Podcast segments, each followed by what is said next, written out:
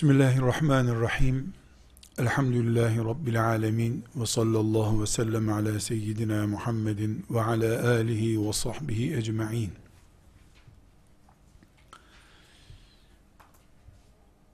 Tıbba Müslümanca bakmaya çalışırken, insan ve tıbbın birleştiği yerde, karşımıza çıkan en temel sorunlardan biri ya da tıptan önce çözülmesi gereken insan sağlığı ile ilgili sorunlardan birisi gıda sorunudur.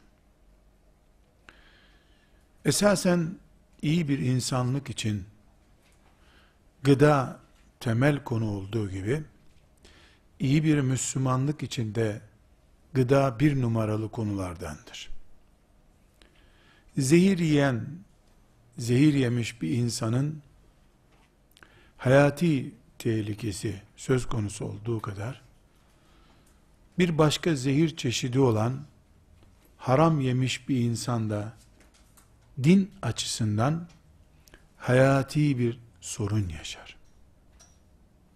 Bu iki noktada dinle hayatın kesiştiği yerde karşımıza gıda sorunu geliyor. Bu nedenle gıdayı sağlıklı bedenlerin ihtiyacı olarak görüyoruz. Sağlıklı beden de iyi Müslüman için şart. Artı bir de bunun haramlık açısından bakıldığında manevi boyutu var. Efendimiz sallallahu aleyhi ve sellem haramla beslenen et cehenneme yanmaya daha layıktır diyor. Buradaki et dediği şey insan eti. Çünkü alınan gıdalar insana et oluyor, kas oluyor, ne oluyorsa artık. Bu sebeple bir Müslüman olarak biz gıda konusunu bir doktor, tıp adamı gözüyle de görmek zorundayız. Bir din insanı, şeriat insanı gözüyle de görmek zorundayız. Aksi takdirde dinimiz açısından da yetersiz kalırız. İnsan sağlığı açısından da yetersiz kalırız. Bugün tıp dünyasının en temel sorunlarından birisi de şüphesiz gıda sorunudur. Bu gıda sorunu dengesiz beslenmekten, yetersiz beslenmekten, yanlış beslenmekten geçiyor olabilir. Hangisi olursa olsun, insanoğlunun bir gıda sorunu vardır. Yüz sene önce, gıdanın dünyaya yetmemesi şeklindeydi bu sorun. Şimdi gıdanın dengesiz tüketilmesi, yanlış tüketilmesi şeklinde ikinci bir boyut kazanmıştır. Bir Müslüman olarak tıbba yön vermekle mükellef değiliz belki. O açıdan bakıldığında tıp insan bünyesiyle ilgili ayarlama yapacak. Ama bir Müslüman olarak biz Müslümanca yeme kültürüne sahip olmamız gerekiyor Zira bizi günde beş defa kıbleye çeviren dinimiz, üç defa, dört defa ne kadarsa sofraya oturduğumuz zaman kıblesiz sofralara oturtmaz bizi. Haftanın pazar günü sadece devreye giren bir dine iman etmedik biz. 24 saati kendi kontrolünde olsun istiyor İslam.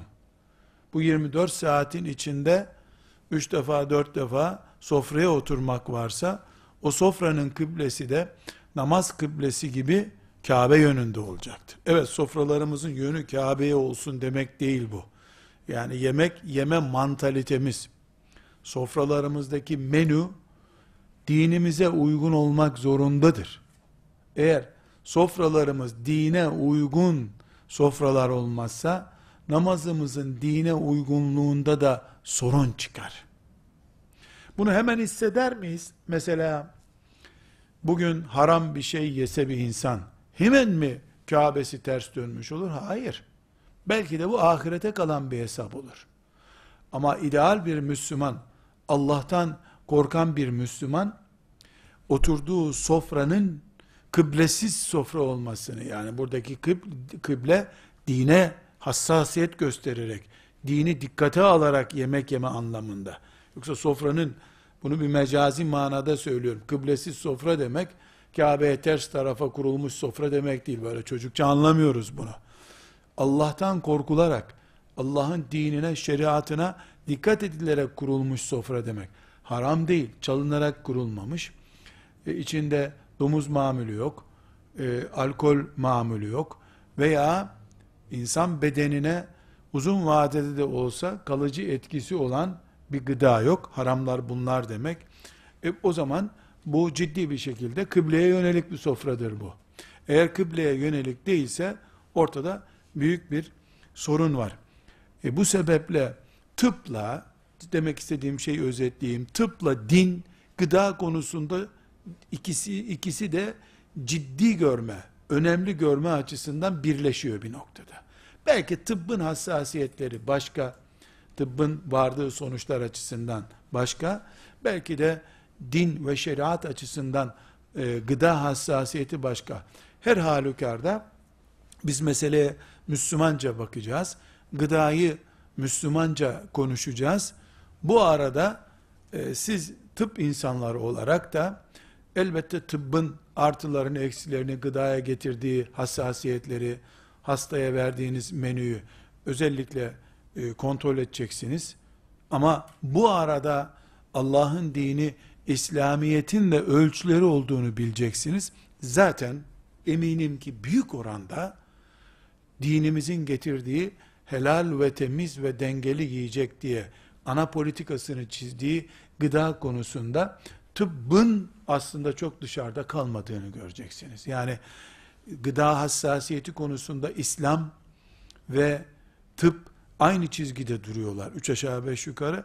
Kaldı ki İslam dinimizin, şeriatımızın gıda konusundaki hassasiyeti tıptan daha da ileridir. Mubahlar ve diğer genel gıda ölçüleri açısından. Burada tıp ne diyor? Özellikle vurguluyorum. Bizi ilgilendirmiyor. Neden ilgilendirmiyor? Mesleğimiz itibariyle, buradaki konum itibariyle tıbba yön vermiyorum. Ama dinim ne diyor? Hepimizin defalarca duyduğu, duymuş olması muhtemel, El-A'raf suresinin 31. ayetini esas alarak yola çıkacağız. El-A'raf suresinin 31. ayeti, İslam dininin gıda politikasının insana yansıyan boyutunun temel ölçüsüdür. Bu ayet e, bir gıda nasıl e, hazırlanır, ekmek nasıl hazırlanır onu konuşmuyor. Yani o o yönünü değil ama insanın gıda tüketme politikasını biz buna halkça bir isim vererek yemek yeme politikasını bu ayet belirliyor. Çok e, yemek duası olarak bile kullanılır bu ayet. Halbuki yemek duasıyla bir ilgisi yok. E, Kulu veşrabu ve la tusrifu innehu la yuhibbul musrifin. Yiyin, için israf etmeyin. Allah israf edenleri sevmez. Gördüğünüz gibi dört cümlecikten oluşuyor. Yiyin bir cümle, için bir cümle, israf etmeyin bir cümle, Allah israf edenleri sevmez bir cümle. Toplam dört cümle İslam'ın, Kur'an'ımızın bize çizdiği e, yeme politikalarının esasını oluşturuyor. Buradan görüyoruz ki e, yemek, içmek ve israf etmemek Allah'ın üç temel çizgisi. İsraf edenleri sevmiyor. Ne yiyeceğiz? ne içeceğiz konusu belli. İnsana yarayan ve Kur'an'ımızın haramdır demediği her şeyi yiyebiliriz. Ama وَلَا تُسْرِفُوا israf etmeyin sözünü düzgün anlamamız gerekiyor. Şimdi ben sizlerle mini bir test yapsam, anket yapsam, herkes bana ne israf etmememiz gerektiğini yazı versin desem en başta ekmek gelir. Hepimizin birinci maddesi ekmeği israf etmemek. Sonra e, baklavayı israf etmemek, döneri israf etmemek. Belki su da listeye girebilir. Su israf etmemek. Şimdi bakınız bunlar yanlış değil. Elbette ekmek, su, baklava, döner, tarhana çorbası. Neyse artık. Nimet olarak yenen, midemize inecek şeylerin israf edilmemesi Rabbimizin وَلَا تُسْرِفُوا israf etmeyin sözüne dahildir. Peki, ekmek kaç para? Bir lira tanesi. Bunu israf etmeyin diyor Allah. Amenna. Rabbimiz israf etmeyin diyor. İnsan midesi kaç para? İnsan damarları kaç para? İnsanın bağırsağı kaç para ediyor? Yediğin yemek türleri uzun vadede de olsa mideyi tahrip ediyor. Allah buğdaydan yapılmış ekmeğe israf etmeyin diye tembih ediyor da damarların tıkatılıp israf edilmesine izin mi veriyor? İnsan ekmekten değersiz mi? Mide köfteden daha mı değersiz? Çok yiyerek, yanlış şeyler yiyerek, hatalı taktiklerle yemek yiyerek, öğün sayısından vesaireye kadar, mideye, damara, bağırsağa veya bünyenin herhangi bir bölümüne, bir organa zarar vermek israf değil mi? İnsanın boş yere hastanelere hastanelerde sürünmesinden daha büyük israf olabilir mi? İnsandan büyük nedir kıymetli ki? Buğdayından köftesine kadar, pirzolasına kadar her şey insan için yaratılmadı mı zaten? Her şey insana hizmet için yaratıldı. Bu kadar insana hizmet için yaratılmış nimetleri israf edilemez başlıklar altında alıyoruz da insanın en mükerrem varlığı olan her şeyin emrine sunulduğu insanı israf etmek caiz olur mu? Bu nedenle biz oturup insanın israf edilmemesi Allah'ın talimatıdır, emridir diye bir itikat oturtmamız lazım zihnimizde. Ekmeği israf etmek caiz olmadığı gibi bir gencin şu bu sakıncalı ileride bedenine zarar verecek bir nesneyi yemesi de israf maddesidir ve innehu la yuhibbul musrifin Allah israf edenleri sevmez. Ekmeği çöpe atanı da Allah sevmez. Bedenini eskiteni de sevmez.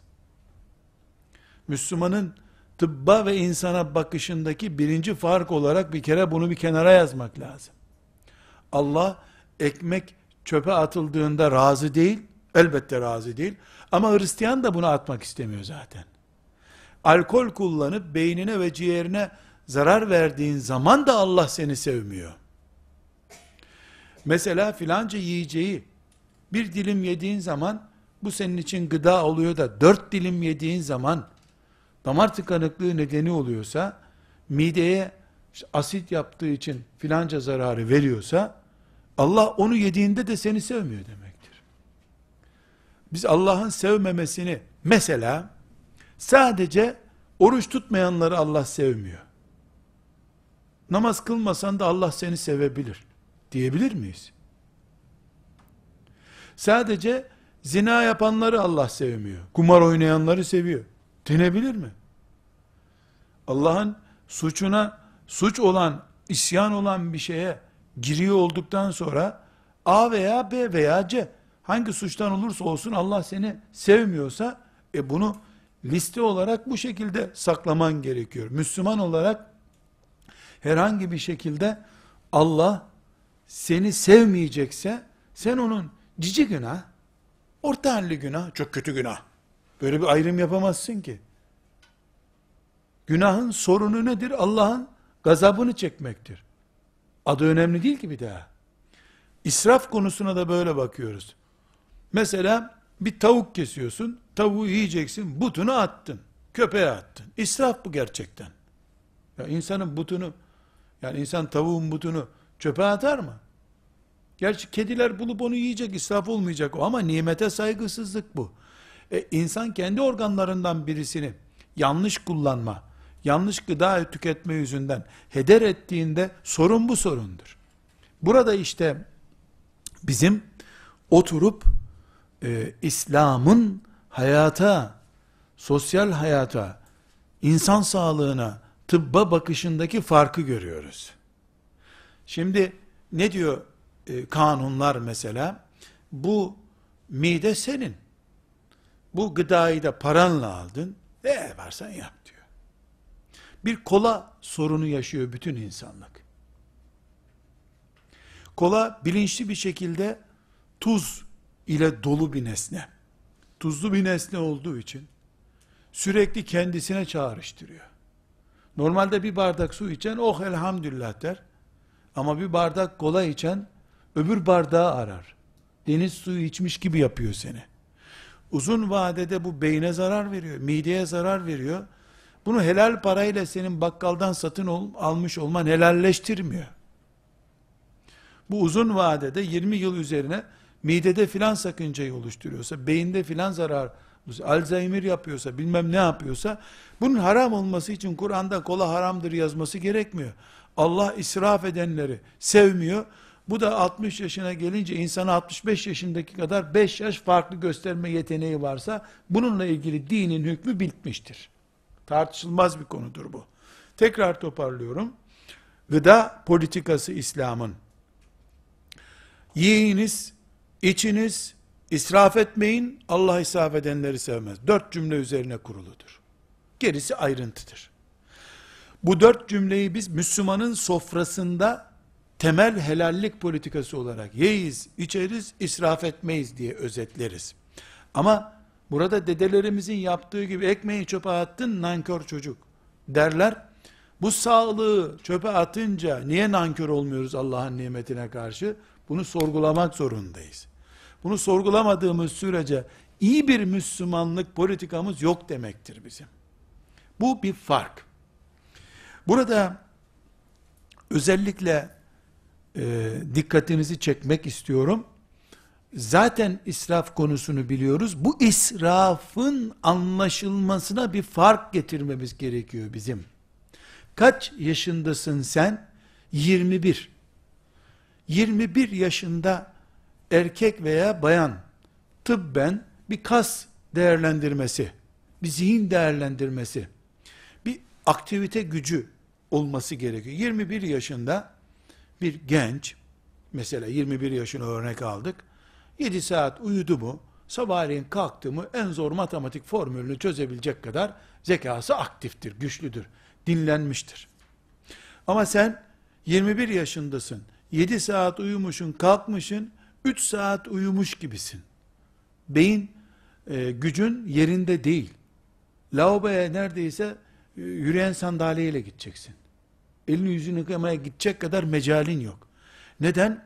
21 yaşındaki bedenin sportif, hareketli bir beden olması gerektiği halde 21 yaşında sen 30 yaşından fazla görüntü veriyorsun kremle, boyayla güzel görünmeye çalışıyorsun. Çünkü yediğin şeyler bir ayvanın, bir elmanın, bir muzun bedene verdiği cazibeyi vermediği için hep paketli, Çin tuzu diye bir nesneden üretilmiş o gıdayı, bu gıdayı tükettiğin için yani e, katkılı nesneler tükettiğin için bedenin erkenden yıpranmış. Şampuan kullanmışın, saçını dökmüş. Krem kullanmışın, seni cilt kanserine hazır hale getirmiş. Burada o krem helal mı sormadan önce, şampuan helal mı sormadan önce, yediğin hazır paket yiyecekleri helal mı sormadan önce, bunların seni 60 yılda gelmen gereken beden yıpranmışlığında 40 yaşında tutuyor seni. 40 yaşında daha yani 20 yıl önce 60 yaşı görüntüsü veriyorsun sen. Kadınsa eğer 10 çocuk doğuracak kapasiten varken Üçüncü çocukta iflas etmiş bir vücut taşıyorsun. Burada haram sadece alkol ve sadece domuzla sınırlandırılamıyor işte. Devreye bir başka madde giriyor. benim Allah'ın yarattığı ve bendeki emanet olan bu bedeni israf ediyorum ben o zaman. Bedenin israfı nedir? Yanlış yerde tüketilmesi, yanlış yerde eskitilmesidir. Sonra kremle, pudrayla ve benzeri takviye ilaçlarla bedene eski gücünü vermeye çalışmamın bir anlamı yok. Allah bu suçu affetmiyor o zaman. Kıyamet günü biz, kıyamet günü biz, ekmeği çöpe attığımız için, Rabbimizin huzurunda niye o ekmeği attın diye sorulacak mı bize? Sorulacak tabi. Hristiyanı da, Yahudisi de böyle bir nimet nankörlüğünü sorulur diye düşünüyor. Peki, hadisi şerif demiyor mu? Gençliğinizi nerede harcadığınızı sormadan Allah ayağınızı kıpırdatmayacak. Dört şey var ki, bunları sormadan, cevabını vermeden kıpırdamak yok cennete. Ben Müslümandım, hacı amcaydım filan böyle gitmek yok. Doktordum, hastanede oforsun senin. Müslüman mısın? Müslümanım. Hesaba çekileceksin. Gavura hesap yok. Gavurun hayatı yok zaten. Gitti. Gavur cehennemde. Müslüman hesap verecek. Dört ağır şeyin hesabı verilecek. Bunlardan biri gençliğini nerede harcadındır? Gençliğini nerede harcadın? Gereksiz zararlı spor yaptın. Gençliğin çabuk yıprandı. Gıda açısından sakıncalı şeyler yedin. Önemsemedin sadece arkadaşlar önüne getiriyor diye doyana kadar yedin. Gençler böyle şeyler yer diye yedin. Kola içer diye içtin. Asitli şeyler yedin. Bütün dünyada gençlerin temel sorunu diş sorunudur. Yaşlılar 90 yaşında dişçi görmeden öldü gittiler bu dünyada. Gençler 25 yaşında damak yaptırıyorlar. Niye? 25 yaşında damak yaptırmak. 30 yaşına gelince köprülerle bilmem sallarla dişler tutuyor ağzında. E çünkü gazlı, gazlı içecekler. Gazlı içecekler insanlık düşmanı olarak geliyor. Siber saldırıdan daha kötü bir şekilde geliyor. Ama üstelik de o sofrada olmayınca kimse yemek yemiyor ne hikmetse.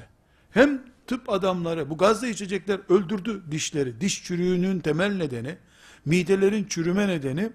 E, Müslümanlar da e, sırf gavurların sofrasında var diye çocuklarını buna alıştırıyorlar. Ama aynı çocuk kazara ekmeğin bir parçasını yere düştü diye yemese o evde İslam devleti kuruluyor hemen. Mahkeme üstüne mahkeme ekmek çöpe atılır mı? Fasulyenin mesela gazlı içecek var bir sofrada.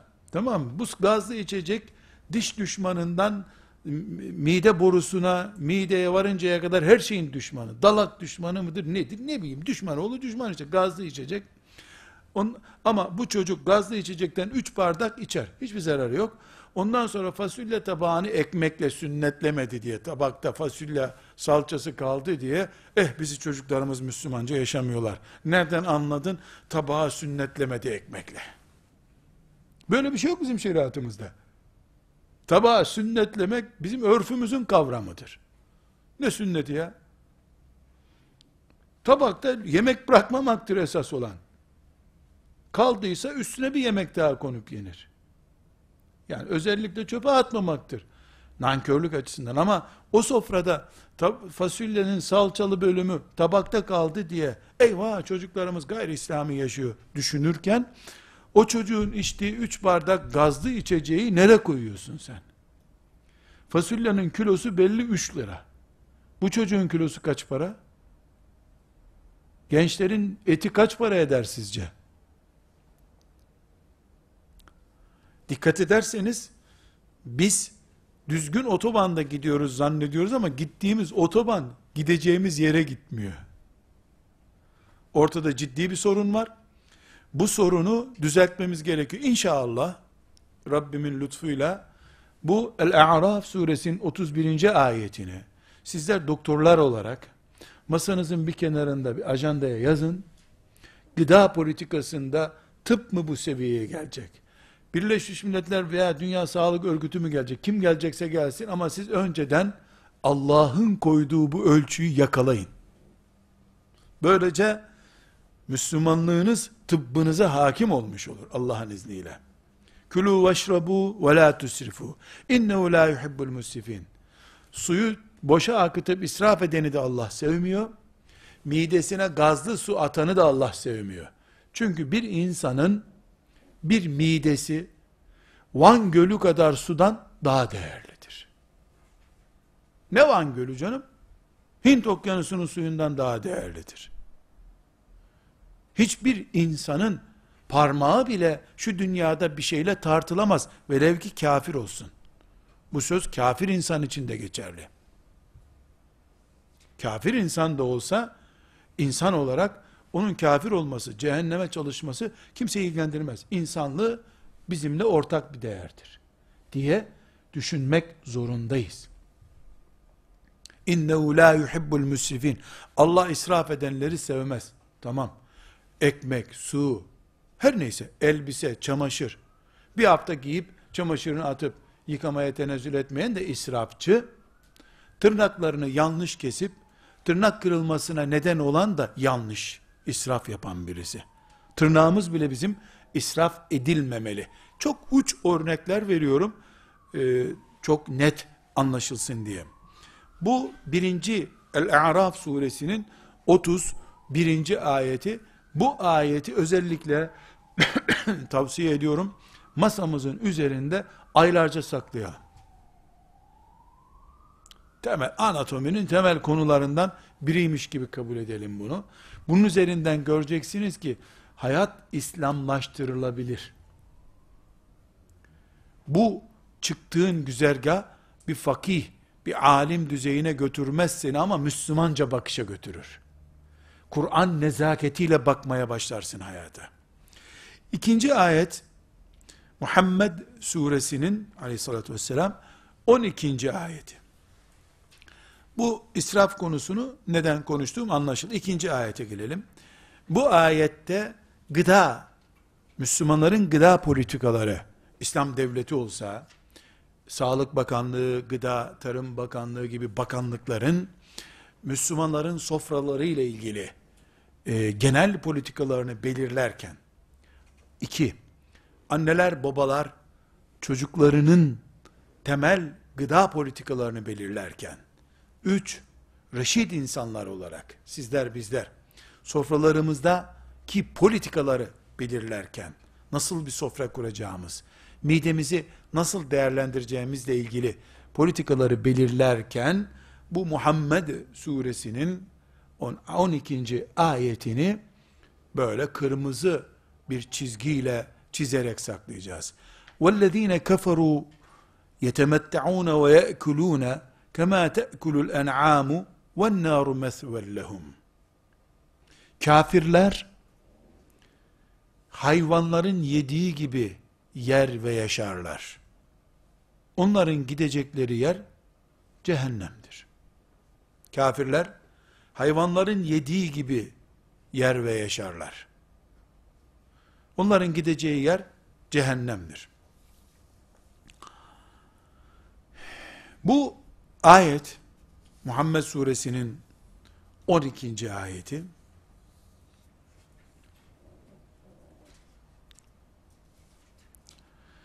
bizim için ne ifade ediyor? Bu şunu ifade ediyor. Müslüman hayvan gibi yemez demek. Peki şu demek mi? Hayvanlar genelde geviş getirirler. İnekler mesela yer yer yer yer sonra bir çöker başlar yediğini işte hazmetmeye öğüdür öğüdür yer öyle mi? Hayır. Hayvan iştahı çeken her şeyi yer.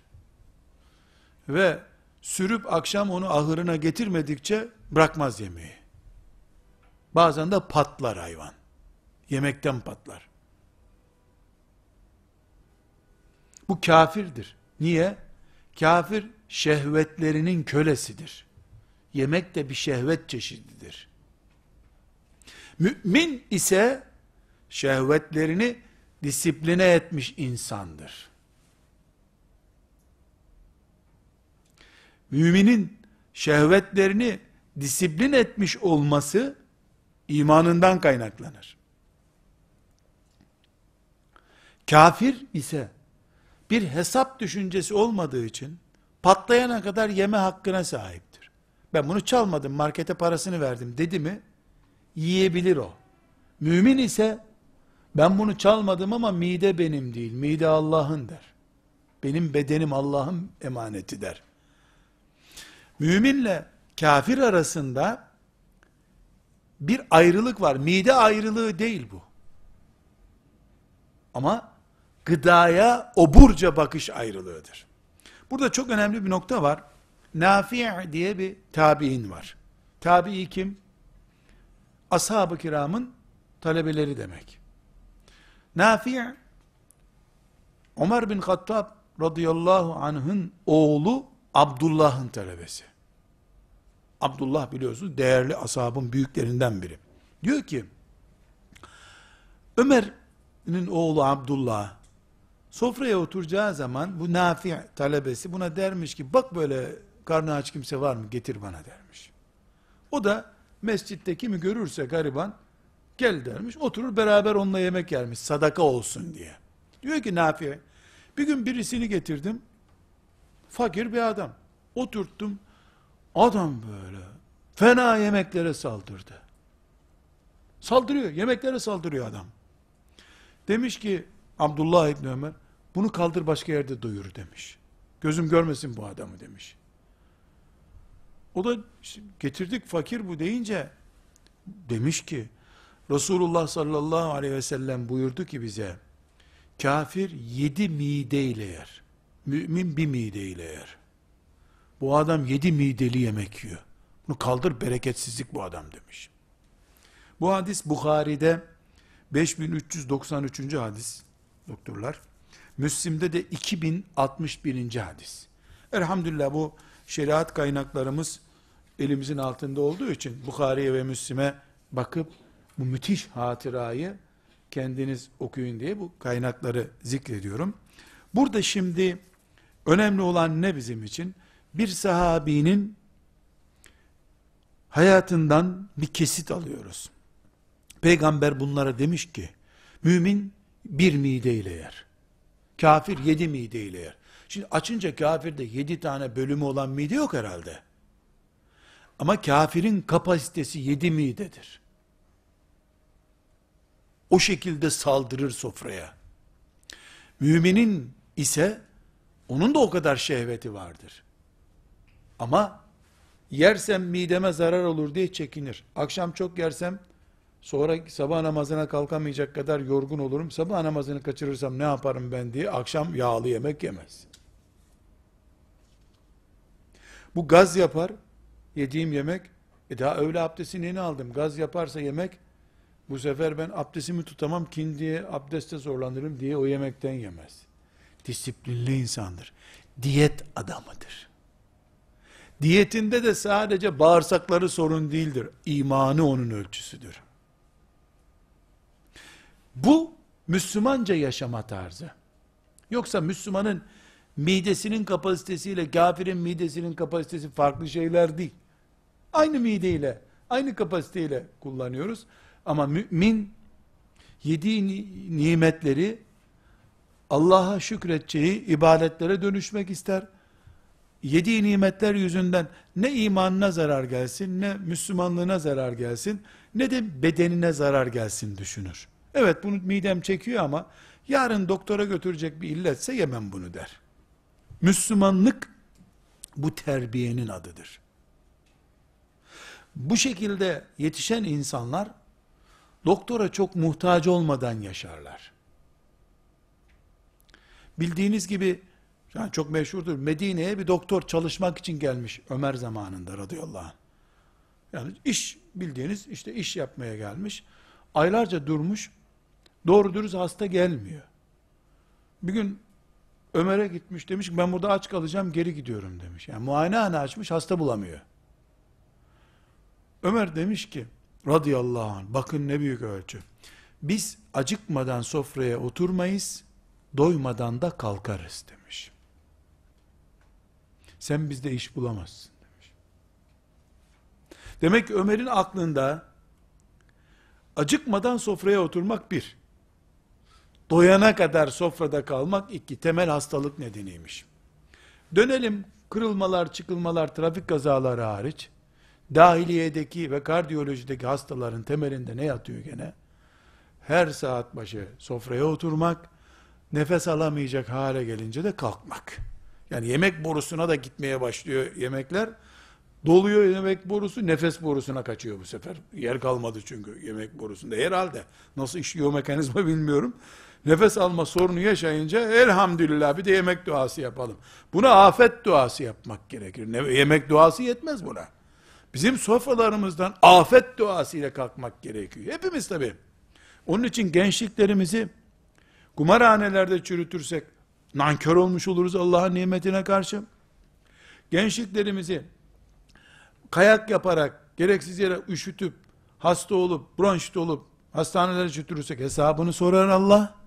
Sofralarda heba edersek bünyemizi bunun da Allah hesabını sorar. Gençliğin hesabını vermeden hiç kimse ayağını kıpırdatamayacak. Hiç kimse. Bu sebeple e, bedenimizi Allah'ın emaneti görüyoruz. Rabbimizin emaneti bize. Bu emaneti Allah bize özellikle koruyalım diye verdi. Gıda bu koruma tarzlarının başında geliyor. Sadece araba kazalarına karşı korumak yetmiyor ki. Arabadan koruyorsun, sofra çarpıyor seni. Eskiden ekmek çarpsın diye yemin yapardı insanlar. Ekmek yani vallahi der gibi ekmek çarpsın derlerdi. Ben o zaman da şimdi inanmıyorum. Ekmek kimseyi çarpmaz ama hakikaten çarpıyor ya.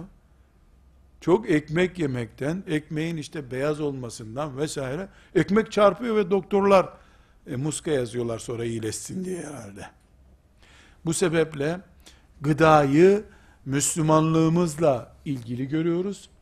Nafi'in anlattığı olayı Buhari'den ve Müslim'den okuduk.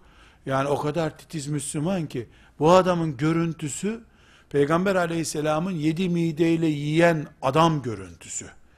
Bunda yani gavur da o sofraya otursa e, günah değil canım. Gavurla da yemek yenir. Müslümanın sofrasına gavur oturamaz diye bir şey yok. İbn Ömer'in derdi gavur niye soframa oturdu değil. O adam gavur değil zaten. Ama yedi mide iştahı ile yemek yemek İbn Ömer'in anlayışına göre peygamberin çizdiği Müslümanlık çizgisinin dışına taşıyor. Elinde kadehle o adam o sofraya otursa nasıl rahatsız olacaktı? Lan ben helal yemeğime sen kadehinle niye geldin? Alkolle bu sofraya niye oturdun diye nasıl tepki gösterecekti? Benim Müslümanlığımda, peygamberimin bana öğrettiği dinde, insanlar boğa gibi sofraya oturmazlar. Boğalar boğa gibi yerler. İnsanlar bir mideyle yerler. Yiyecekleri yemeğin bir helallik sınırı vardır. İnşallah e, bir dahaki dersimizde bu helallik sınırını konuşacağız. Hangi sınırlar helalliğin dışına taşıyor? Hangileri de helal çizgilerdir? Ama şunu unutmayalım. Bazı e, Hint hikayelerinde okuduğunuz gibi dinimiz açlık, sefalet, bir zeytinle bir hafta yaşama gibi bir taktik de bize önermiyor. Gramaj da hiçbir zaman vermez. Yani insan şu, şu gramda yer. 200 miligramlık bardakla böyle bir şey de yok. Herkese midesini bir. iki harcadığı enerjisini üç helal ve temiz olmayı ölçü koyuyor. Bu üçünün ortalaması kimin ne kadar yemek yiyeceğinin ölçüsüdür. Tarlada veya dağda inşaatta akşama kadar 3000 4000 kere kazma vuran bir adama bir tabak fasulye ne yapar? dişinin kovuğuna da girmez. Akşama kadar masada bilgisayarın başındaki adam bir tabak fasulyeyi nerede harcayacak? Onda da bir sürü zehir olacak o fasulye. Çünkü oturuyorsun, oturduğunda beden o fasulyeyi tüketmiyor. Dolayısıyla işim, mide hacmim, yaşım, başım, sağlığım açısından artı Allah bu nimeti helal mi haram mı etti? Bunun dengesini buluyorum. Ondan sonra Allah'ın bütün nimetleri serbest. Hiçbir şekilde sakınca yok. Sakınca bu dengeyi sarsarak yemek yemektedir. Mesela ashab-ı kiram bir hurma yiyip savaşa gidiyorlardı değil mi? Yok diye öyle yapıyorlardı. Glukozlu bir şey olduğu için de onlara çabuk enerji oluşturuyordu. Buldukları zaman oturup bir deve kesip 10 kişi yediler. Haram değil ki. Ama ondan sonra da 30 kilometre yol yürüdüler.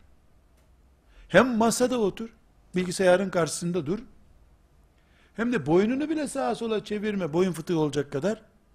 Ondan sonra da pirzola ye. Elbette ağır kaçar bu. Yani bu denge çok önemli. Ne yiyorsun, hangi bedenle yiyorsun, helal mi yiyorsun? Gerisini incelemeye bile gerek yok. Ve sallallahu ve sellem ala seyyidina Muhammed ve ala alihi ve sahbihi ecma'in. Velhamdülillahi Rabbil alemin.